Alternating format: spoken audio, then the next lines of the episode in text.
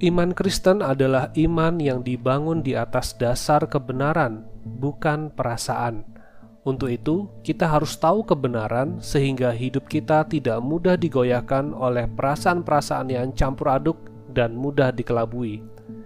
Karena di era globalisasi dan digitalisasi ini, banyak pengajaran berhamburan di media sosial yang sangat menarik dan mudah untuk diakses. Ada yang mengajarkan kebenaran, ada juga yang nampaknya benar tetapi menyesatkan. Oleh sebab itu, saya ingin mengingatkan kita kembali kepada lima sola, yaitu prinsip-prinsip kebenaran iman Kristen yang akan menolong kita tetap bertahan di dalam kebenaran dan hidup dengan iman yang benar.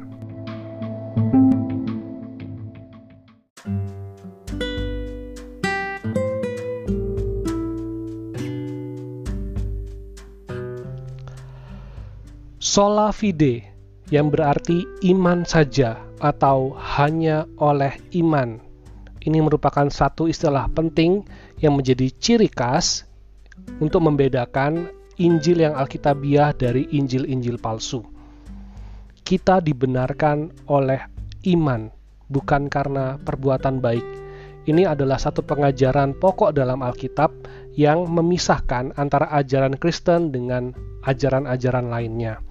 Alkitab mengajar bahwa kita tidak diselamatkan oleh perbuatan baik, melainkan oleh karena anugerah Allah melalui karunia iman.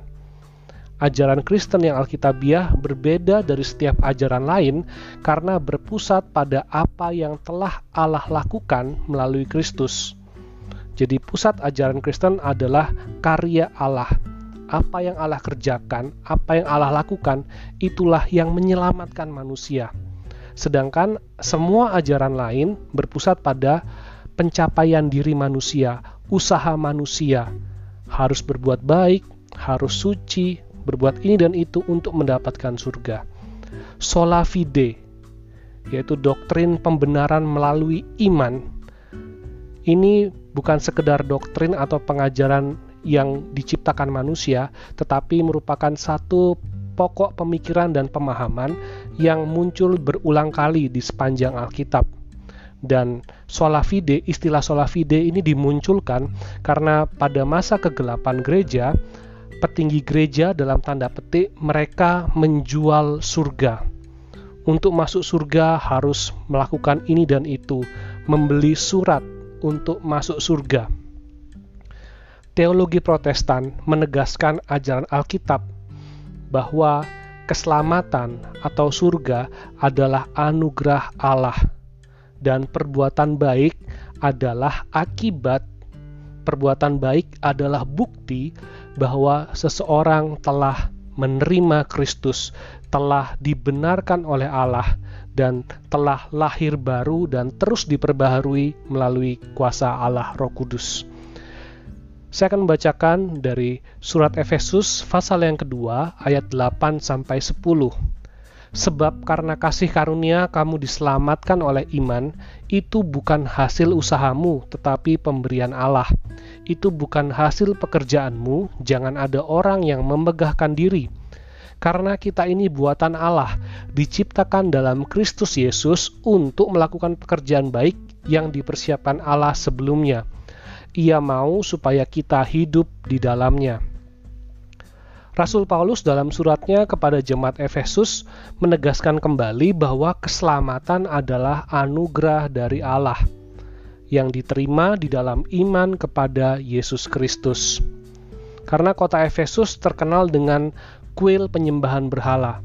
Ketika kekristenan masuk dan mulai berkembang di Efesus, muncul juga ajaran-ajaran sesat yang menyaingi kekristenan, yang mengajarkan bahwa beriman saja tidak cukup, harus berbuat baik juga.